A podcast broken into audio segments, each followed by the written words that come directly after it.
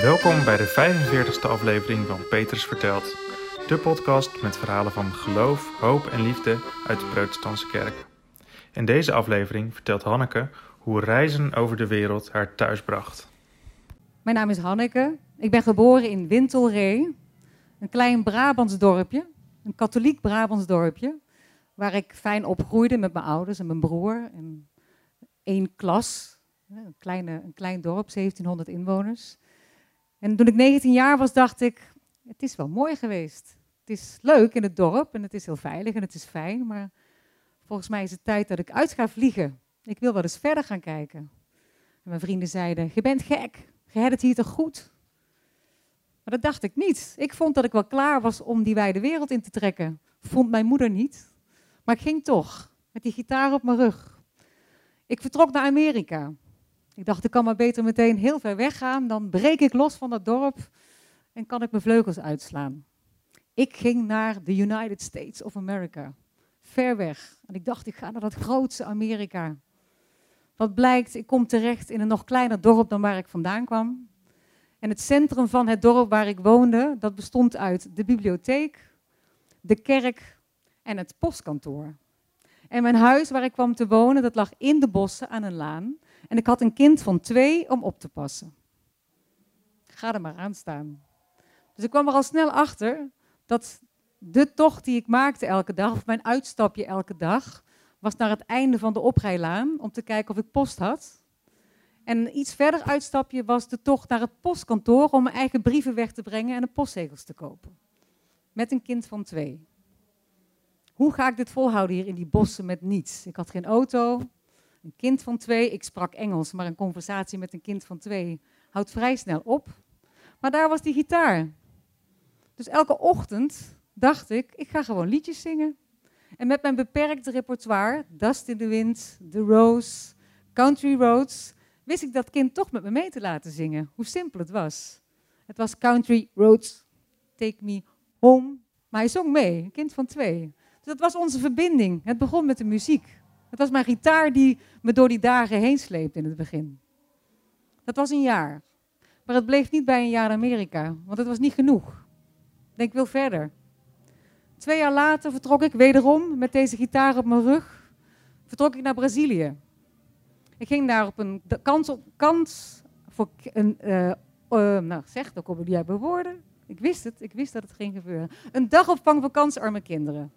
Ik kwam terecht op een missiepost. Een Surinaamse katholieke missiepost.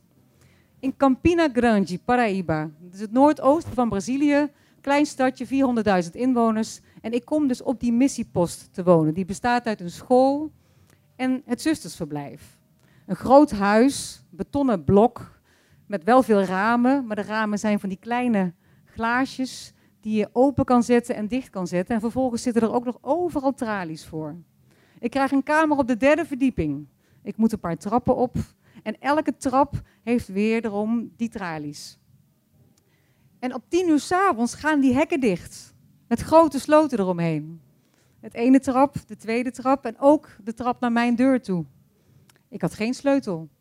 Dus ik zat boven, op derde verdieping, om tien uur s'avonds, lokt. Ik kon nergens meer heen. En tot overmaat van ramp werd er nog een valse herdershond losgelaten, beneden in de school. Zodat het echt geen mogelijkheid was om te ontsnappen. Ook niet voor een dame van 23 die wellicht om tien uur s'avonds toch nog wel even de deur uit wil. Het was niet mogelijk.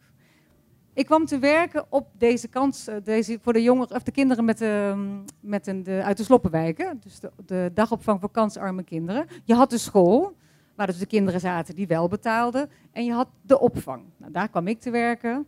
70 tot 90 kinderen tussen de 2 en de 7. Je moet je voorstellen dat mijn Portugees nog niet super goed was. Nou, beter gezegd, er was nog niet zoveel. Ik kon dag zeggen en ik kon hallo zeggen. Ik snapte een beetje de grammatica, maar zelf spreken was nog niet mogelijk.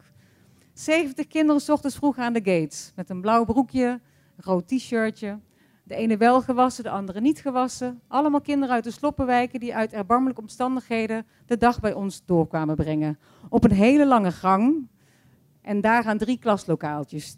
Dus 70 kinderen, 70, 90 kinderen uit de sloppenwijken die gewend zijn om meer buiten te leven dan in de huizen een dag lang op zo'n lange gang met die drie lokaaltjes. Ik sta voor het klasje, samen met een lerares uit Brazilië, van 30 kinderen tussen de 2 en de 4. Na anderhalve maand wordt mijn lerares weggehaald en op de betaalde school gezet. En ik sta er alleen voor. Ik, denk, ik bereid mijn lesje voor met wat werkwoorden opgezocht in het woordenboek. Ik maak een, een, een, activiteit, die laat ik, zien aan de, laat ik zien aan de kinderen. Denk, nou, dan gaat het mij wel lukken. Ik sta s ochtends voor die 30 kinderen. Ik denk, dit slaat nergens op. Wat ga ik hier als Nederlandse met mijn gebrekkige Portugees? Hoe hou ik deze kinderen een dag bezig? Onmogelijk.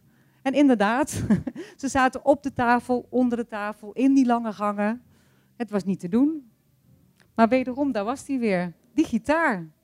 Ik dacht, ik ga ze op de grond zetten en ik ga mijn liedje spelen.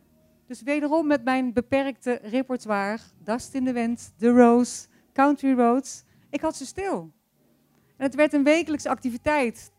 Die gitaar werd, hoorde bij mij, het werd mijn visitekaartje. En het was niet alleen op die school, maar het waren de leraren die me uitnodigden om mee naar de families te gaan. Ik mocht in de kerk mee gaan spelen. Ik mocht zelfs een huwelijksmis zingen. Ik werd compleet opgenomen in het Braziliaanse leven. Ik was thuis, als een vis in het water. En die muziek, dat was het verbindingsmiddel. Dat was niet meer nodig. Uiteindelijk kwam de taal ook, na een paar maanden. Maar de verbinding was er al. En het werden diepe vriendschappen met mensen. En je hoefde niet eens te spreken met elkaar. Het was die muziek die ons bij elkaar bracht. En uiteindelijk kwamen er ook echt wel wat Portugese liedjes bij. Maar dat Engelse repertoire, dat, dat bleef. Na een jaar moest ik afscheid gaan nemen. En dat viel me heel zwaar. Hoe moest ik deze mensen achterlaten? Hoe moest ik deze cultuur achterlaten waar ik me zo thuis voelde? Ik moest terug naar Nederland.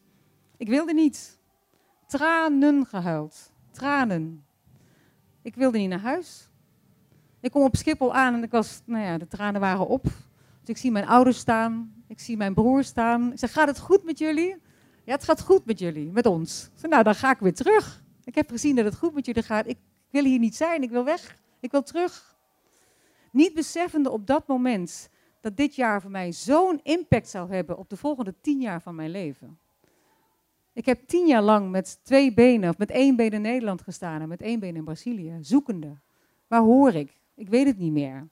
Daar naartoe, werken, Nederland werken, geld verdienen, weer naar Brazilië toe, weer terug, toch weer proberen. Geen aansluiting kunnen vinden. Vrienden nemen je mee naar de HBO-soos in Nijmegen en het eerste liedje wat je hoort, Gedegeding, Guus Meeuwis. Nee, weg. Ik hoor je niets, ik moet weg. Maar ik probeerde het tien jaar. Zelfs samen gaan wonen. Ik denk, als ik me nou ga settelen, als ik hier blijf en een leven op ga bouwen, dan vind ik mijn weg wel weer. Na een kort bezoek aan Brazilië dacht ik, ik ga mijn leven op de kop zetten, dit is het niet. Ik moet gewoon weer terug. Ik moet het gewoon nog één keer gaan proberen. Waar hoor ik? Het is niet in Nederlands. Ik moet gaan.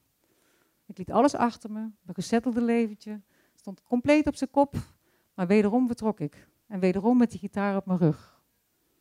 Voor de tweede keer voor langere tijd naar Brazilië. Ik, kreeg, ik had een baan daar. Ik had mijn appartement, ik had mijn auto, was inmiddels tien jaar ouder. Het was een ander verhaal.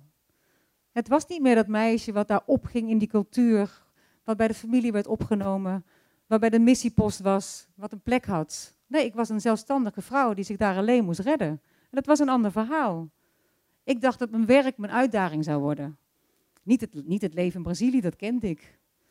Ik kende de mensen, ik sprak de taal, ik danste de samba. Ik was thuis.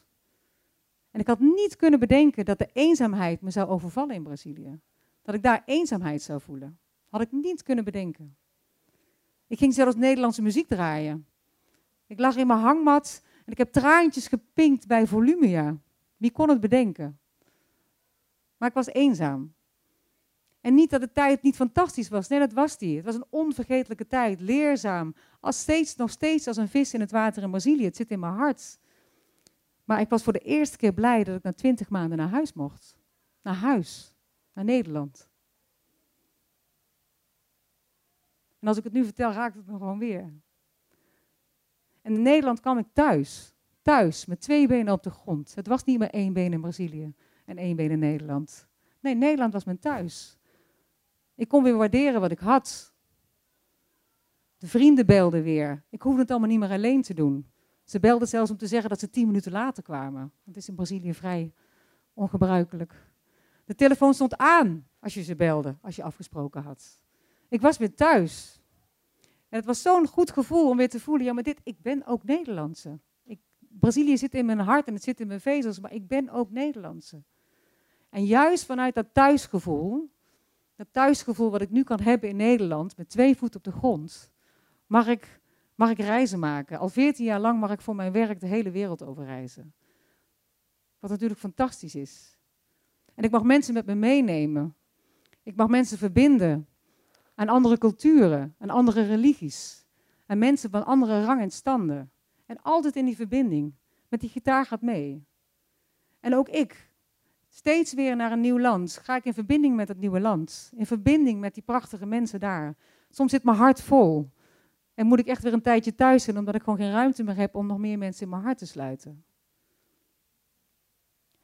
Maar als ik zo op reis ga en mensen met me meeneem en mensen kan laten raken doordat ze andere culturen kunnen bezoeken en eens verder kunnen kijken dan hun eigen leven, dan is er niets mooiers dan dat.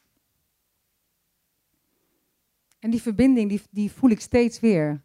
Maar het mooiste van alles is dat ik uit die verbinding met die mensen, dat ik altijd weer thuis kom. Met twee benen op de grond. Want Nederland is wel mijn plekje thuis. En ja, die gitaar gaat steeds weer mee. En ja, Dust in de Wind, ondanks dat het repertoire iets breder is geworden, maar Dust in de Wind is nog steeds mijn openingsnummer. En het werkt nog altijd. Dank jullie wel. Dit verhaal werd verteld tijdens een verhalenavond van Petrus Vertelt. Wilt u ook een keer zo'n verhalenavond bijwonen? Kijk dan op www.petrusvertelt.nl